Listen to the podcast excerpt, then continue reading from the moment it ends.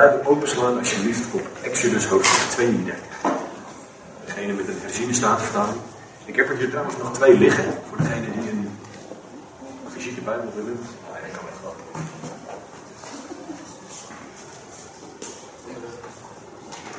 Oh, ik ben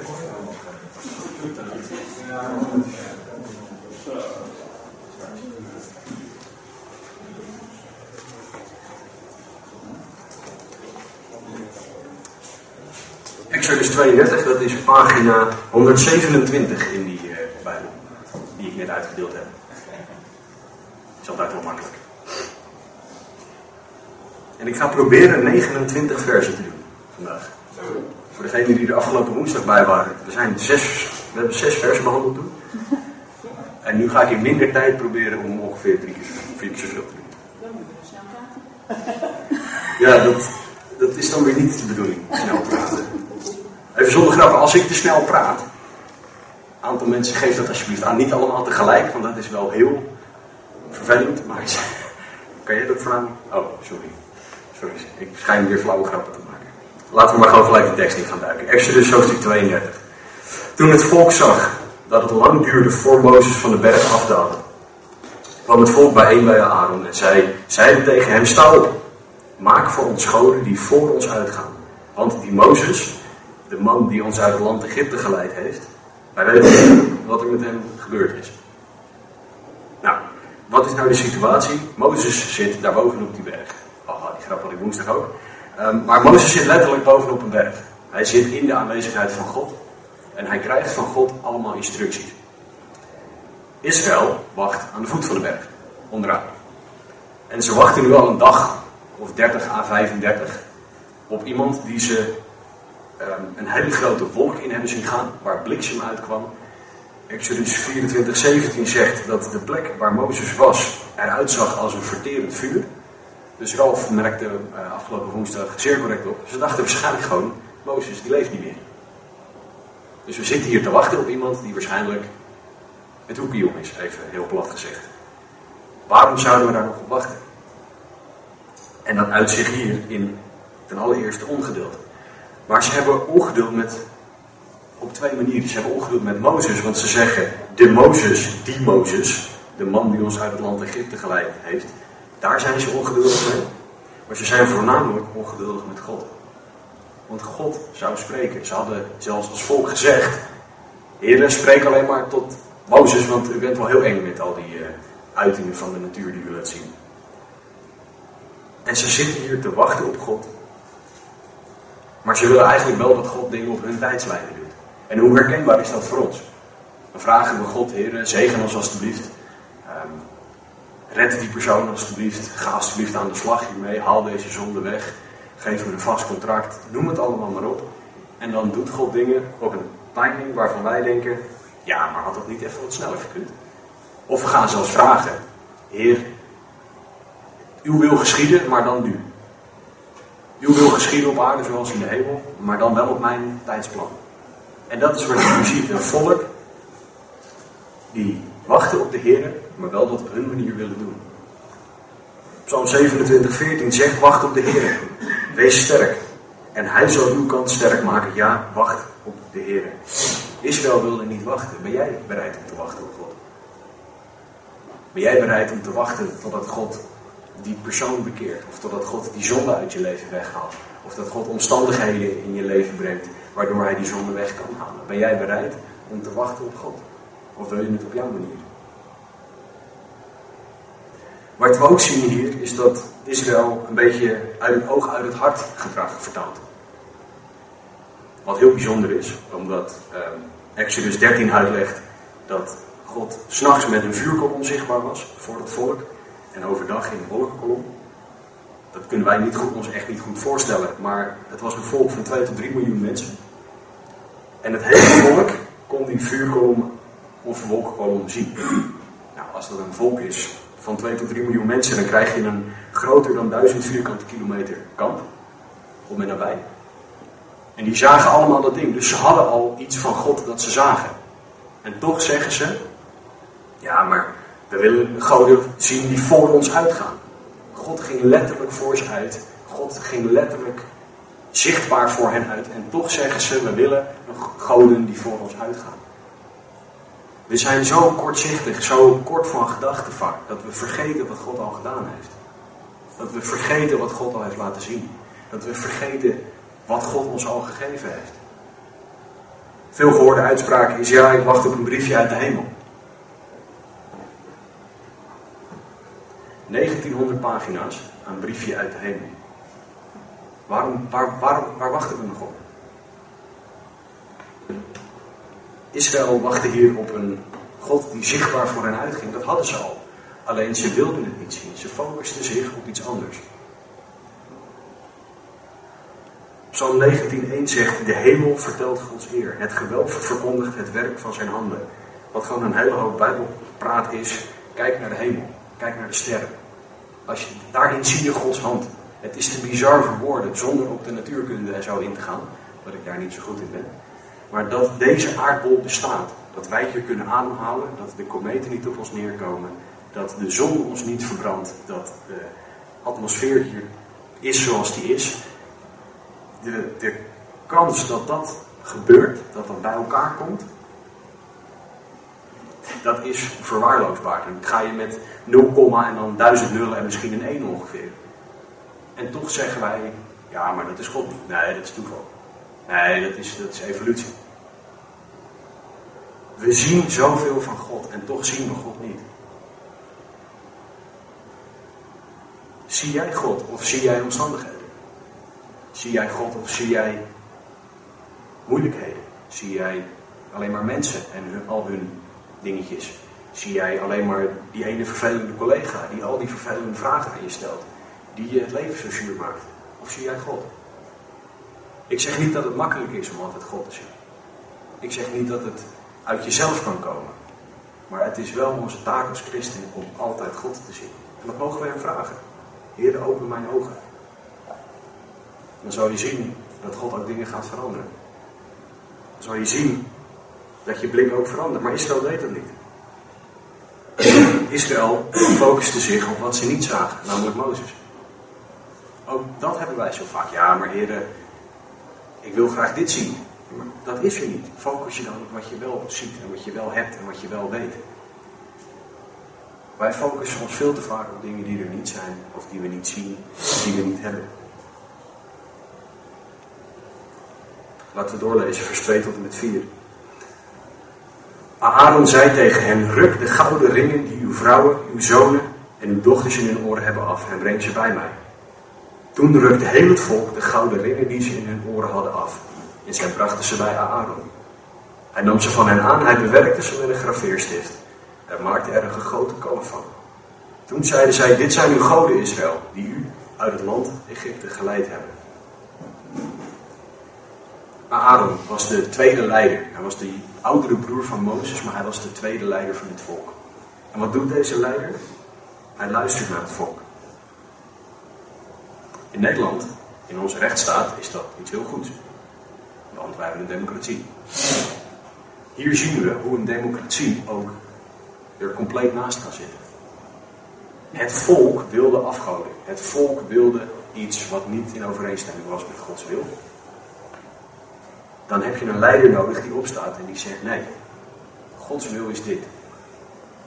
Misschien werd Mozes of werd Aaron bedreigd en dat, werd, dat ze hem zouden gaan lynchen, dat ze hem zouden ophangen, dat ze hem zouden stenigen, we weten het niet, maar hij gaat mee in wat het volk vraagt.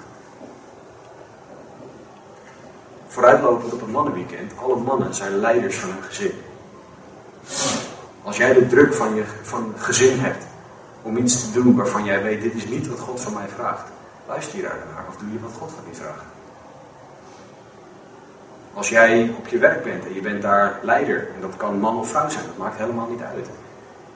En er wordt gezegd, ah joh, dat, dat kleine beetje spullen meenemen. Ze, gaan, ze zouden het toch weggooien, die paar pennen, die paar mappen, die paar beeldschermen, die paar computers, maakt allemaal niet uit. Ah joh, dat kan wel meegenomen worden. Zeg jij nee, dat, dat kan niet, dat is diefstal. Of ga je erin mee? Luister jij naar God of luister jij naar de druk van de, van de? Wie is, wie is in jouw geval de Wie leidt jou? In het geval van Aaron was het het volk die een afgod wilde. En Aaron geeft daar een invulling aan. Hij zegt, ruk de ringen die uw vrouwen, uw zonen en dochters in hun oren hebben af. Dat klinkt niet lekker. Kijk even naar de oorbellen van Roos in dit geval. Dat je die uitrukt, dat lijkt me erg pijnlijk. Het is niet lekker. Dat doet zeer. Er staat ruk ze af. Daartegenover staat het in Exodus 35:5 God, God om iets vraagt. God vraagt voor de tabernakel, voor mijn aanwezigheid, heb ik ook dingen nodig. Niet dat God ze niet al had, maar hij wilde dat er een offergave kwam. Dus hij zegt, geef wat je wil. En niet ruk ze uit. God zegt, ik wil dat jij vanuit jouw hart iets geeft. Ik wil dat jij geeft zoals wat er in jouw hart is. Als dat betekent dat je niks geeft, oké, dan is dat zo. Als dat betekent dat jij je hele hebben en houden geeft, fantastisch. Maar het verschil tussen God en een afgod is dat God vraagt en een afgod neemt. Het verschil tussen God en Satan is: God vraagt, Satan neemt. Het verschil tussen God en het vlees is: God vraagt, het vlees neemt. Als ik in mijn leven kijk naar wanneer ik zondig, dan, dan neemt mijn zonde mij over. God moet ik vragen om in mijn leven te komen. En dan gaat God aan de slag tot zover ik hem ruimte geef. Maar de zonde neemt mij over. Die zet zich vast met klauwen in mij. Zo werkt God niet. Het is niet God is niet zoals zo'n kat met zo'n paal dat hij er helemaal omheen gaat zitten. Nee, God die gaat zo ver als dat wij hem de ruimte geven. Dat is een groot verschil tussen God en een afgod. Het volk reageert erop in vers 3. Het volk rukt, en heel het volk doet dat, hè. Rukte de gouden ringen die ze in hun oren hadden af. Dat betekent misschien niet dat alle 2 tot 3 miljoen mensen dit doen, maar niemand staat ook op. Er is geen stam die opstaat en die zegt: nee, dit kan echt niet. Er is niemand die opstaat en hier tegenin gaat. We weten niet hoe lang dit al gebeurd heeft. Misschien dat ze na een dag al zoiets hadden. Nou ja, die Mozes, die kerel, die pannenkoek, waar is die nou weer? Het hele volk ging hierin mee. Zo snel dwalen mensen af. Als er geen sterke goddelijke leiding is. Dat geldt overal. Een gezinssituatie, in een kerksituatie. Dat geldt voor een land. Dat geldt in elke situatie. Elk, elke menigte, en een menigte kan zelfs wel twee mensen zijn, hebben goddelijke leiding nodig. In vers 4 gaat Aaron aan de slag. En wat, wat hier heel bijzonder is, is dat Aaron kreeg alleen gouden ringen en daarmee moest hij een god maken. Moest daar, daarvan moest er een god komen. Dus dat betekent dat Aaron de god moest bedenken. Moest bedenken, hoe gaat dat ding er eigenlijk uitzien? Daarna moest hij het bouwen en bewerken. Een soort IKEA bouwpakket. Steek het hier daarin en dat kwam er waarschijnlijk niet uit omdat het IKEA was en zo. Um, maar op het moment dat jij je God moet bedenken, moet bouwen en moet bewerken, dan heb je geen, niet de juiste God. Dan heb je namelijk een God van mensenhanden. Een God die in onze denkkaders past. Een God die wij in een hokje kunnen stoppen en kunnen zeggen, nou dat hokje is voor u.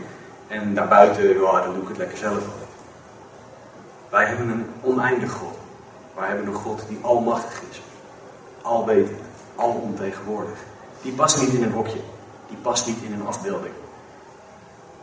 In openbaring kijkt Johannes kijkt naar de troon van God. En hij ziet alleen een wit licht. Hij, hij kan niet zien wie, als in wat de vorm is van de persoon die op de troon zit. Dat is onze God. Wat, wat we hier ook zien in het feit dat Israël een gegoten kalf maakt, is dat ze teruggrijpen naar de wereld. Of naar in dit geval, voor in hun geval, naar Egypte. Egypte had heel veel visuele goden. Ze hadden de god Ra en ze hadden de god whatever allemaal. En een van die goden was Apis. Dat was een kalf. Dat was de god van kracht en vruchtbaarheid. In de tien plagen die we, die we in Exodus ook behandeld hebben, handelt God systematisch een hele hoop van hun goden handelt hij af. En geeft aan, ik ben groter, ik ben groter, ik ben groter. En hier grijpt Israël toch weer terug naar die goden. En hoe vaak doen wij dat ook niet? Op momenten van stress grijpen we terug naar wat ons ook dan vast, vast heeft gehouden in de wereld. Het kunnen dingen zijn, dingen zijn als drugs, alcohol. Heel veel mensen is dat ook iets als pornografie, dat je makkelijker weer daar naar, naar terug gaat. Voor heel veel mensen kan dat dingen zijn als schelden, scheldwoorden gebruiken die echt, echt niet door de beugel heen kunnen. Noem het allemaal maar op. Momenten dat het tegenzit, grijpen wij terug. Op momenten dat wij het niet zien, grijpen wij terug naar de wereld. En zeggen, ah, daar was het zoveel beter. Worden we nostalgisch naar de wereld. Naar de wereld die ons vergiftigt, die ons kapot maakt. Naar de wereld die ons in het geval van Israël zelfs heel duidelijk een slaaf gemaakt had. Israël was een slaaf van Egypte en toch verlangen ze terug naar wat ze daar hadden. Even heel objectief, dat is toch bizar? Dat je terug verlangt naar de zweep van je meester. Slaat nergens op. Maar toch doen wij het ook. Vraag ook daarin God om je daarvoor te behoeden. Want er komen momenten dat je het niet ziet. Dat je het even niet meer ziet. Er komen momenten dat je je afvraagt, Heer, bent u er nog wel? Omdat je het niet ziet. En op die momenten moet je juist op je knieën gaan. Heer, ik heb u nodig. Heer, ik wil op u wachten, op u en u alleen. Heer, ik geloof, maar kom mijn ongeloof tegemoet alsjeblieft. Ik heb u zo hard nodig. Israël greep terug naar de wereld.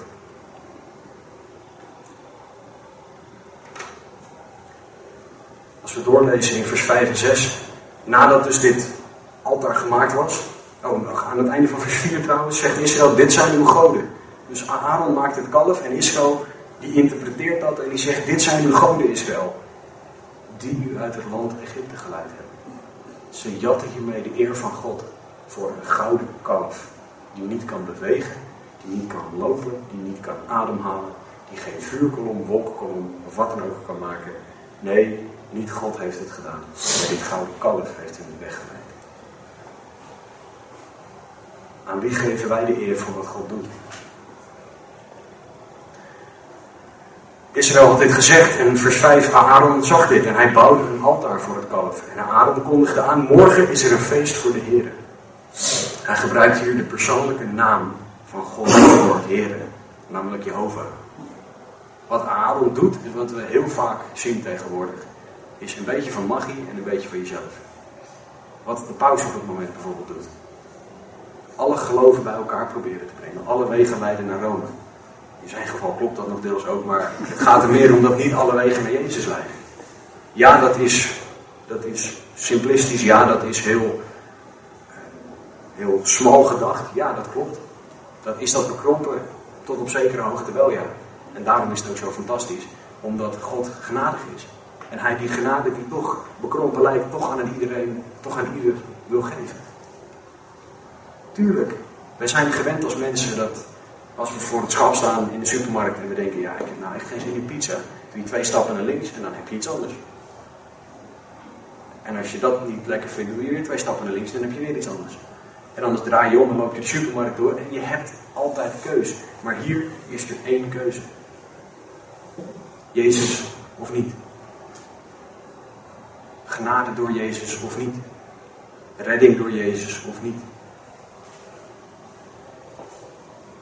Dus wat Aaron hier probeert, morgen is er een feest voor de Heer, dat kan helemaal niet. Je kan niet een gouden kalf, een afgodsbeeld pakken en daarmee zeggen, nou dan proberen we dat even tot eer en glorie van Gods naam te gebruiken. En ik maak het nu een beetje belachelijk, maar ook jij en ik doen dit elke dag. Zondige dingen gebruiken om God groot te maken. Ik heb een keer een voorganger horen zeggen, ehm, dat is meer voor de singles, en dat zijn er niet zo heel veel. Ehm, maar er zijn christenen en die denken dat je als single christen een niet-christen moet gaan daten. En dat je dat kan gebruiken als een soort van evangelisatiemiddel. Dat je dat dus dan bewust doet, hè? als christen een niet-christen gaan daten om die niet-christen tot geloof te brengen. Nou, zo zijn er nog duizenden mee voorbeelden te noemen, maar jij kan niet dat bewust gaan doen om die ander tot geloof te brengen. Dat is niet hoe God het wil. God wil het anders hebben. God wil dat wij toegewijd zijn aan Hem. En dingen op zijn manier doen. Vers 6, ze stonden de volgende dag vroeg op, brachten brandoffers en brachten ook dankoffers. Het volk ging daarna zitten om te eten en om te drinken. En vervolgens stonden zij op om uitbundig feest te vieren. Het is heel erg, het is echt heel erg dit wat, wat hier staat. Wat hier namelijk staat, is als je naar de grondtekst kijkt, is dat ze begonnen met eten en drinken en dat het steeds erger werd. En aan het einde van de dag was het één grote dronken orgie. Gods volk, hè? Het volk dat de rest van de wereld hoorde te vertellen over wie God is. Het volk dat net door God gered was uit Egypte. Het volk dat bijna ontelbare wonderen had gezien. Die zijn nu 30 dagen aan hun lot overgelaten, zoals ze zich misschien wel voelen. Misschien iets meer. En ze eindigen in een dronken orgie. Omdat ze, nou ja, gewoon maar hun ding doen. Wat zegt dat over het volk? Wat zegt dat over de leiding van dit volk?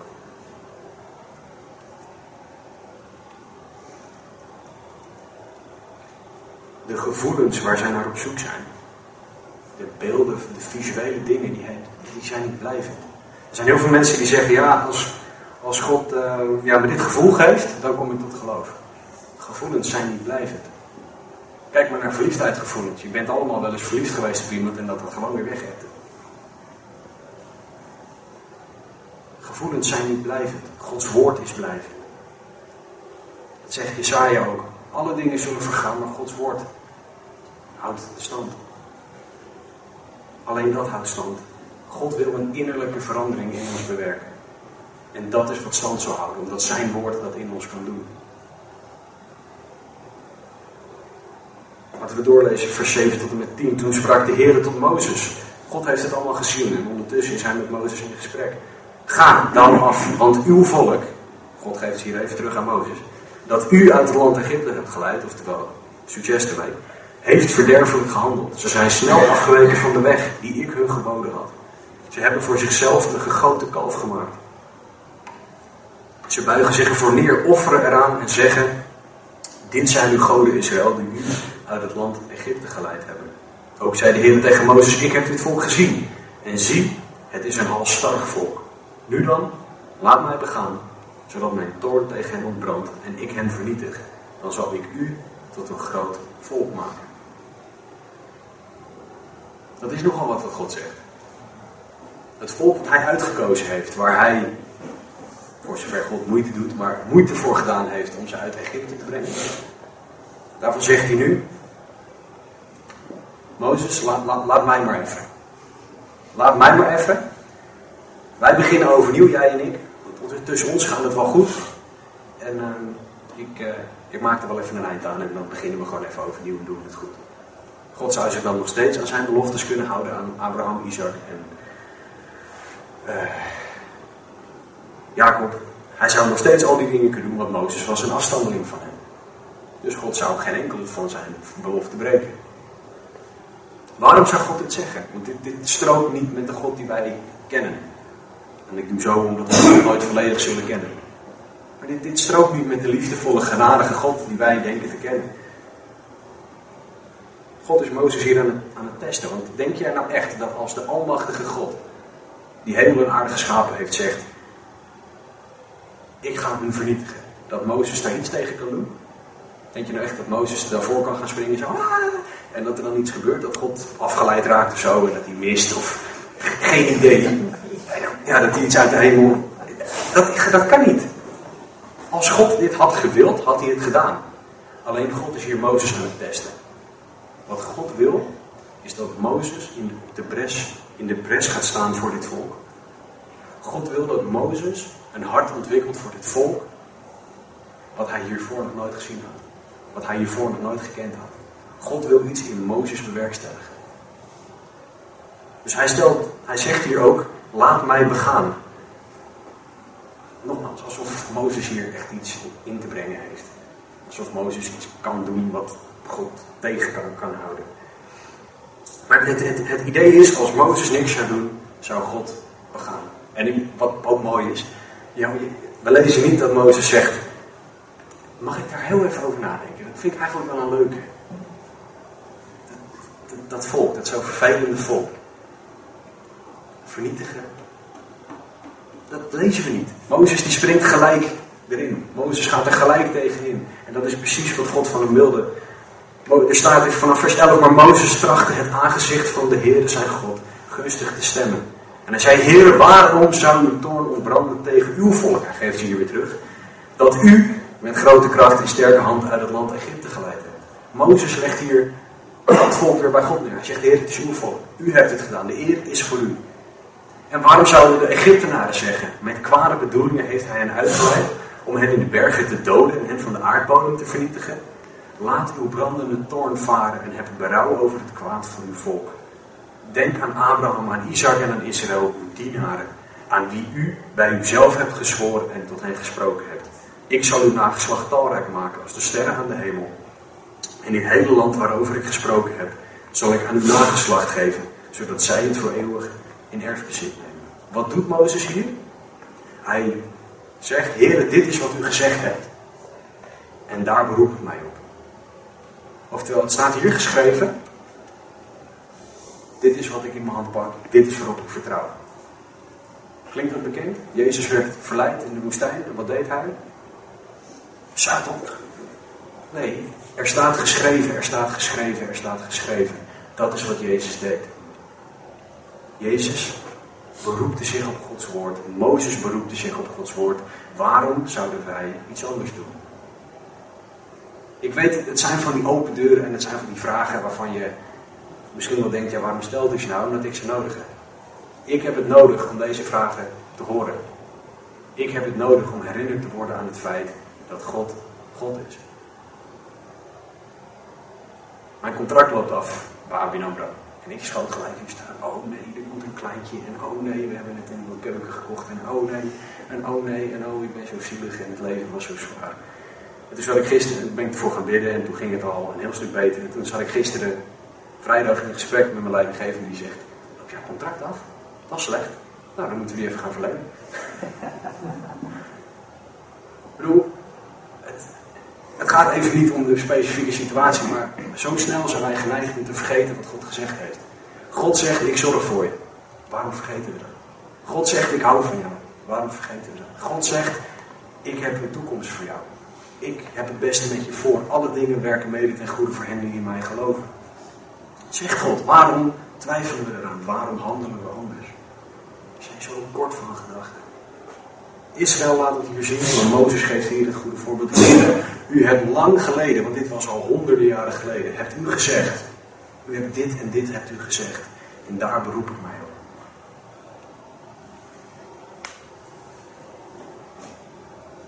Meneer Meyer, ik weet niet wat zijn voornaam is, maar die heeft gezegd: Het is niet de lengte, maar het is de kracht van het gebed dat de hemel beweegt. Ik heb wel eens de neiging om heel langdradig te bidden. Maar ik heb ook wel eens geleerd dat God gewoon wil: Heer, zegen deze persoon alsjeblieft. En dan is het gebed klaar. We hoeven niet met omhaal van woorden, we hoeven niet veel dure woorden erin te stoppen. Dat hoeft allemaal niet. Mozes zegt hier gewoon: Heer, u hebt gezegd. Waarom zou u dan nu iets anders gaan doen? Het is de kracht van het gebed. Het hoeft helemaal niet lang te zijn. En dan nu, kan ik vraag, God had berouw. Ja, wat is dat nou? Vers 14 zegt, toen kreeg de Heer berouw over het kwaad dat hij gesproken had. Kan God berouw hebben? Berouw hebben, namelijk, dan keer je je af van wat je, wat je eerder gezegd hebt. En dan doe je iets anders. Kan God veranderen? Malachi zegt, het is goed voor u, o Israël, dat de Heer niet verandert. Hoe rijmen we dat met dit? Nogmaals, als God Israël had willen vernietigen, had hij dat gedaan. Mooi om jullie nog even meer in de war te schoppen is Jesaja 55, 8, 9.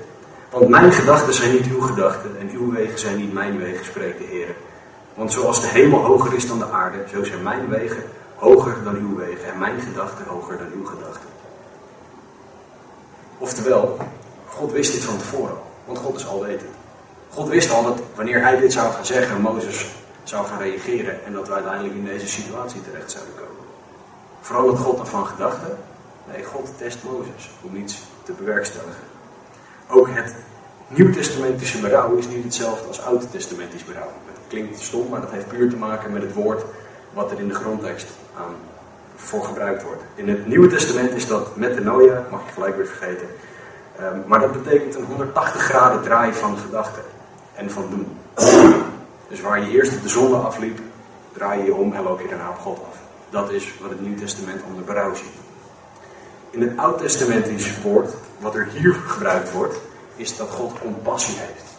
Hij kijkt naar het volk en denkt, ach jongens, wat hebben jullie nodig ik genade aan jullie geef. God kijkt naar dit volk en heeft liefde voor hen. In de plaats van dat hij nu oordeel en vuur over hun uitstort. Dit volk heeft het nodig dat ze Gods liefde zien. Dus verandert God? Nee. Nee, God zal nooit veranderen. En dat is voor ons maar goed ook.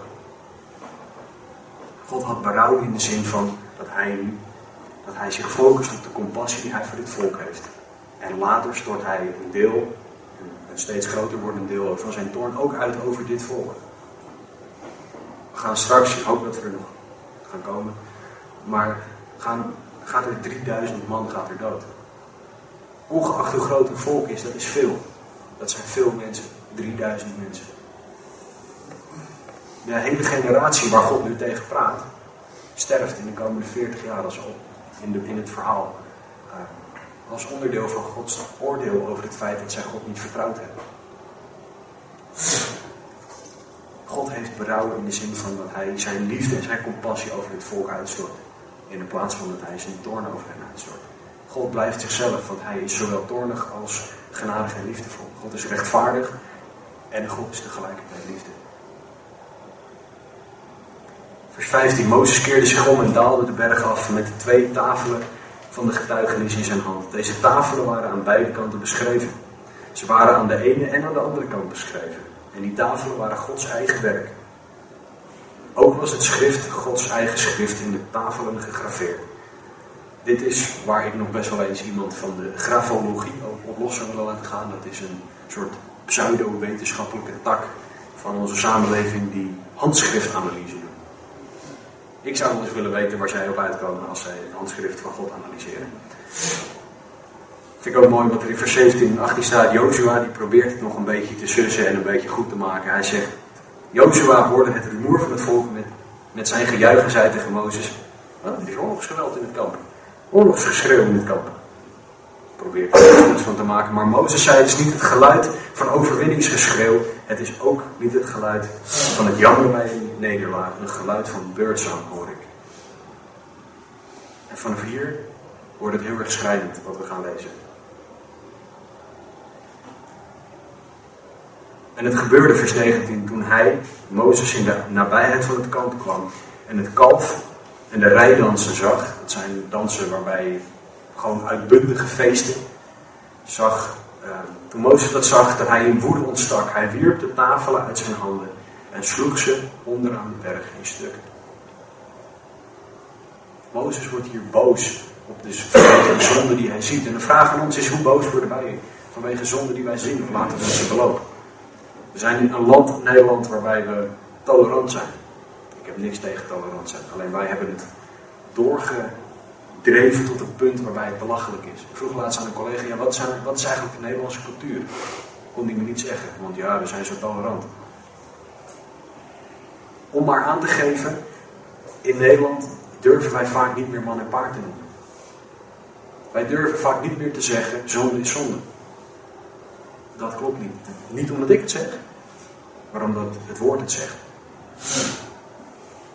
Wij durven vaak niet meer te zeggen, liegen is zonde, stelen is zonde.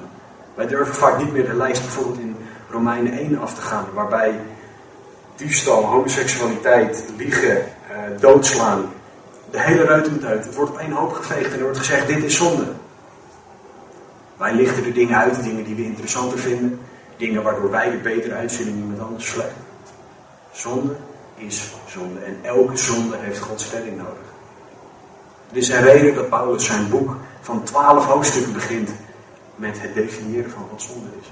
In het eerste hoofdstuk begint hij ermee. Dat is het uitgangspunt. Dit is zonde. En daarna, wat gaat God eraan doen? Welke keuzes staan wij voor? Maar worden wij nog zo bewogen door zonde? denken we? Nee.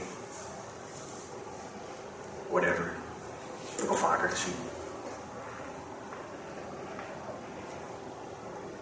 Of worden wij echt bewogen, zoals Mozes, die hier in één keer de tien kapot slaat?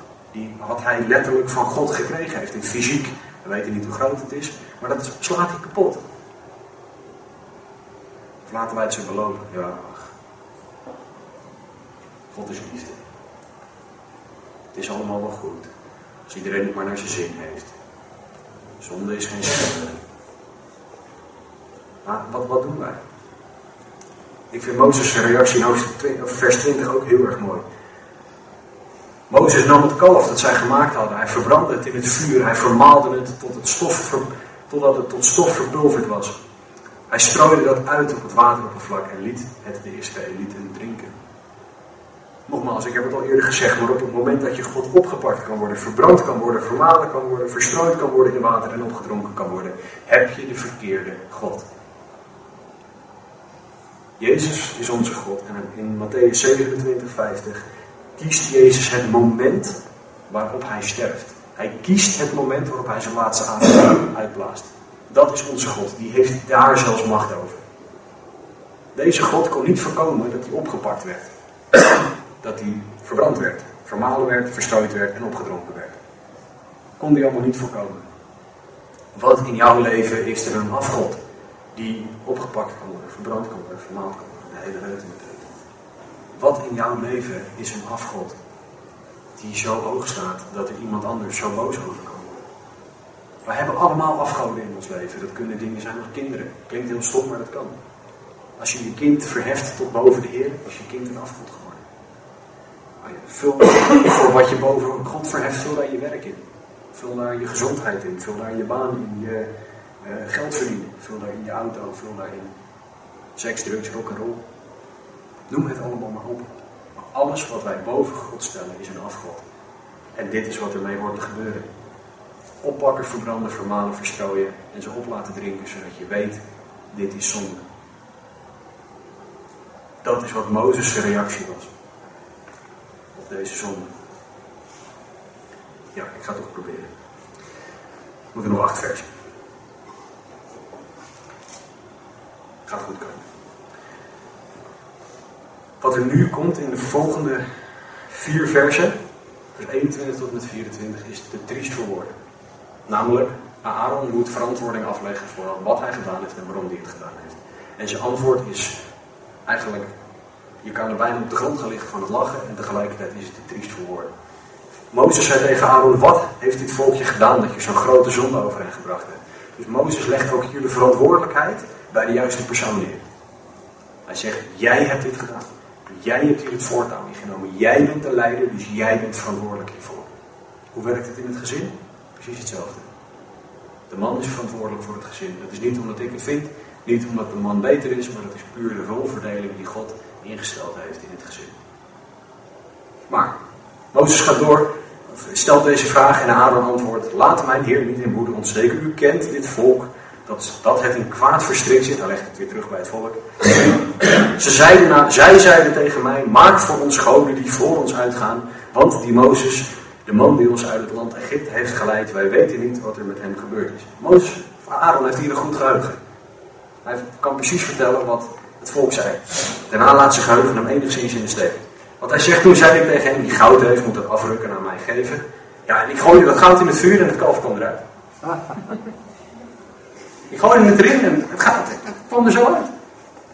Dus hetzelfde als dat je een, een, uh, Ford F-150, zo'n auto, zo'n pick-up truck, de uh, Sixtijnse kapel inrijdt, een hele bulk verf achterin stopt, er een staaf dynamiet in stopt en dat dan de tekening die Michelangelo gemaakt heeft eruit komt. Kan niet. Het is onmogelijk. Er moet iemand moeten mee bezig zijn. Iemand moet er wat op bewerken. Dus, Aaron staat hij zelfs te liegen. Hiervoor had hij een fantastisch geheugen. Hij kon woordelijk vertellen wat er een paar dagen eerder was gezegd.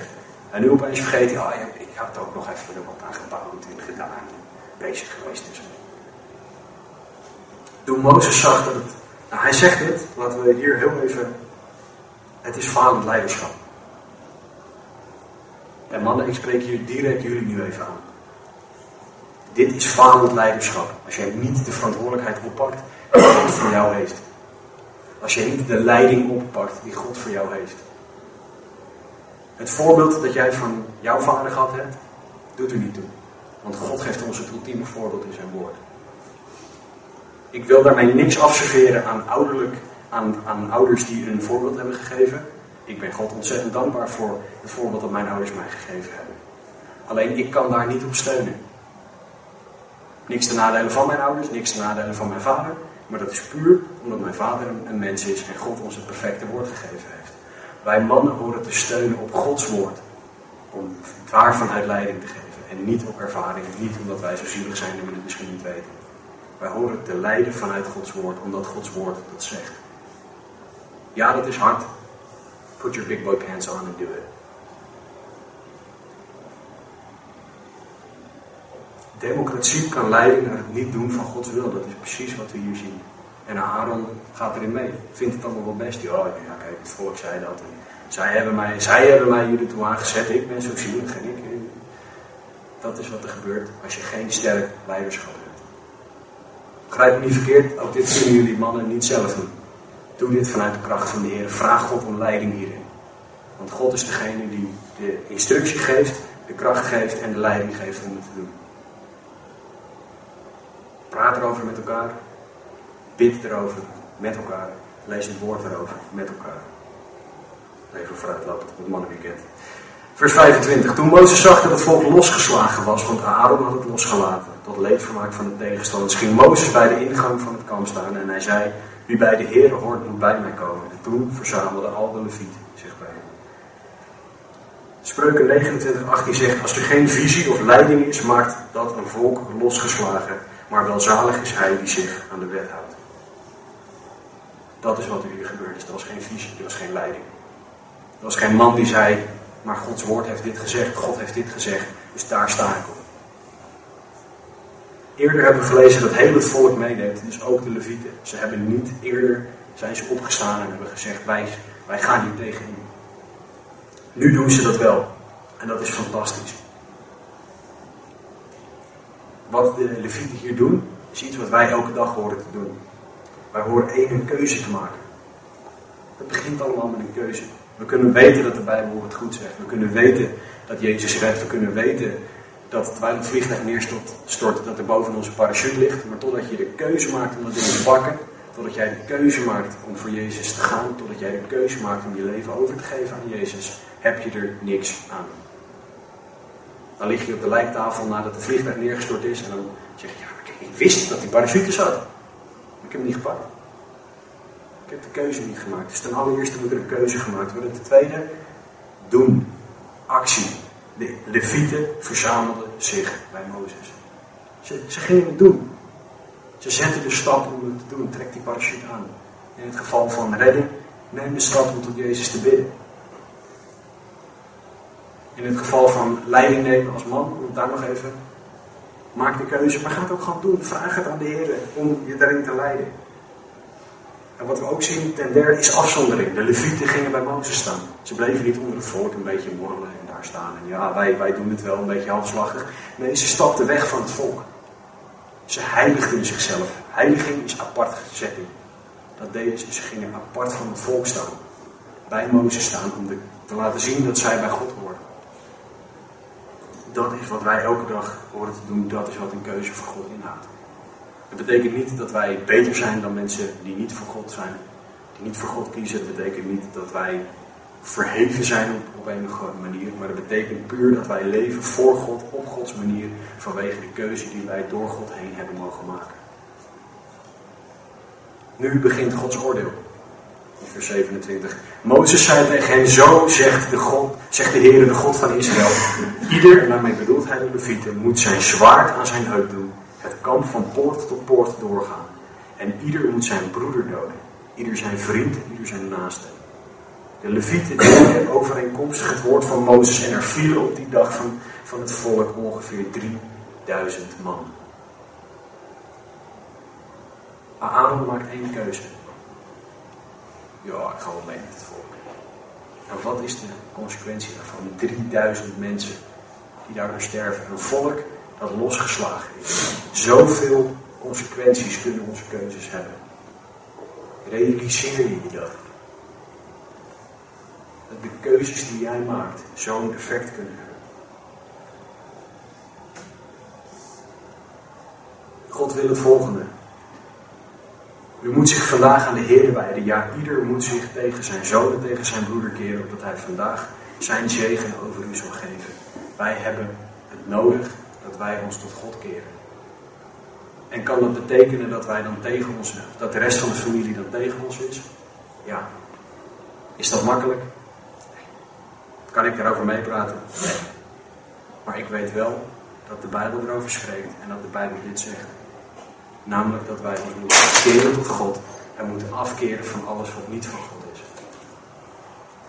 Wij moeten ons keren tot Hem en tot Hem alleen. Er zijn zat christenen in bijvoorbeeld de Arabische wereld die kiezen voor God. Die uit hun familie gezet worden. Die geen erfenis meer hebben. Die vervolgd worden, die gemarteld worden door hun eigen familie. Dan hebben wij het nog makkelijker. Maar er zijn zoveel mensen die voor wie deze keuze een keuze van leven en dood is. Ben jij bereid om die keuze te maken in het, tussen aanhalingstekens, luxe leventje dat wij hebben? Ik wil daarmee niks afdoen aan hoe moeilijk een keuze kan zijn. Maar als je het vergelijkt met hoe het kan zijn, hebben wij het hartstikke goed.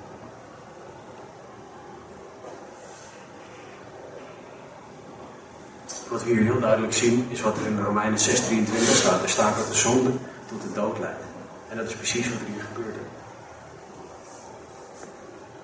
De keuze van het volk, de keuze van Aaron, was zondig. En dat leidde uiteindelijk tot de dood van 3000 mensen. Welke keuzes maak jij? Jij hebt misschien niet een keuze die effect heeft op 3000 mensen. Maar jij hebt wel keuzes die effect hebben op jouw gezin. De mensen direct om je heen. Als ik ervoor kies om elke avond nadat ik thuis kom van mijn werk, me af te zonderen in mijn kamertje, mijn laptopje open te doen en noem maar iets geks, pornografische websites te gaan zitten kijken en wat daar allemaal verder nog bij komt kijken, dan heeft dat effect op mijn vrouw. Dan heeft dat effect op mijn dochtertje die er vanaf, vanaf december gaat komen. Dan heeft dat effect op hoe ik naar mijn collega's, hoe ik met hen omga. Dan heeft dat effect op mijn getuigenis. Dan heeft dat een eeuwigdurend effect op zoveel mensen die, waarvan ik het niet eens weet. Mijn keuzes hebben gevolgen voor de mensen om mij heen. Realiseer je dat. En vraag dan aan de Heer om de juiste keuzes te maken. Om jou te leren om keuzes te maken, want het is ook een proces. Dat doe je niet in één keer. Het is niet zo dat je van de een op de andere dag alleen maar de juiste keuzes maakt. Dat gaat met vallen en opstaan. Maar de Heer is genadig. Hij zegt de rechtvaardige valt zeven keer en staat zeven keer weer op. Niet omdat de rechtvaardige nou extra kracht heeft uit zichzelf omdat hij een bodybuilder is die zichzelf zo opgepompt heeft. Nee, helemaal niet. Het gaat erom dat hij de kracht van God ontvangt om te kiezen. En dat is wat wij allemaal nodig hebben. Allemaal moeten ontvangen. Allemaal mogen ontvangen. Dus wat mogen wij leren van dit volk? Wij mogen leren van dit volk dat wij allemaal leiding nodig hebben. Bid voor de leiders van deze gemeente, maar bid ook voor de leiders om je heen. Als vrouw, bid voor je man. Bid ook dat je mag leren om onderdanig te zijn aan hem, zoals aan de Heer. Mannen, bid dat je leider mag zijn zoals Jezus dat wil. Bid dat jij een, leiding, een leider van je gezin mag zijn, zoals de Bijbel dat voorschrijft. Doe afgoden uit je leven weg. Alles wat boven God staat, doe dat weg. Want dat kan zo'n vernietigend effect hebben. Leg alles af wat jij boven God stelt. Leg het bij Hem neer. Leg het aan het kruis neer. Laten we bidden. Heere God, dank u wel. Dank u wel, Heer, voor wie u bent. Dank u wel, Heer, voor uw genade. Dank u wel voor het feit dat u uw woord openbaart, Heer. Dank u wel dat u het gegeven hebt. Dank u wel, Heer, dat u ons ook Exodus 32 gegeven hebt. Heer, een hoofdstuk waar, waar we om kunnen lachen, maar waar we ook om kunnen huilen. Heer, huilen vanwege de keuzes die gemaakt worden. Heer, huilen vanwege alles wat er niet goed gaat. Heer, huilen vanwege het feit dat er zoveel zonde, zoveel zondige keuzes zijn. En dat daarin, dat, dat die gemaakt worden, Heer, in de plaats van keuzes voor u. Dus Heer, ik bid vanochtend dat mensen een keuze voor u mogen maken. Of het nou de eerste keer is of de zoveelste keer. Ik bid dat velen u mogen zien. Heer, dat de keuze voor u gemaakt mag worden. Dat mannen zullen kiezen om mannen naar uw wil te zijn. Dat vrouwen zullen kiezen om vrouwen naar uw wil te zijn. Dat een ieder zal kiezen om u te volgen. Heer, ik bid dat wij allemaal de keuze voor u mogen maken, Heer. Stappen zullen zetten en afgezonderd zullen leven. Heer, ik bid dat wij allemaal uw woord zullen openen, uw woord zullen begrijpen. Heer, ik bid dat wij allemaal uw naam zullen mogen aanroepen. Heer, spreek tot ons over die dingen in ons leven waar u mee aan de slag wil gaan. Heer, want die hebben wij allemaal. Niemand is perfect. Heer, niemand behalve u is perfect. Dus Heer, beweeg in onze hart alstublieft. Spreek tot ons. Heer, want wij hebben u nodig. Veel meer dan dat wij willen of beseffen. Dus ik wil je gewoon uitdagen om nu gewoon je ogen dicht te houden. Om gewoon de Heer ook te vragen wat er in jouw leven is waarmee hij aan de slag wil gaan. Uh, wij hebben allemaal dingen waar God niet blij van wordt. Dingen waarmee we God kwetsen. Dingen waar hij mee aan de slag wil gaan. En Heer, ik bid er ook dat u onze ogen opent voor de afgoden in ons leven. Ik bid dat u onze ogen opent voor waar wij keuzes moeten maken. Heer, doe uw wil alsjeblieft. Als je gebed nodig hebt, vraag het aan de mensen om je heen. Als je gebed nodig hebt en je wilt het niet aan de mensen om je heen vragen, je kan naar mij toe komen aan het einde van de dienst. Maar vraag het aan elkaar alsjeblieft. Want het is zo belangrijk dat we ook samen leren bidden.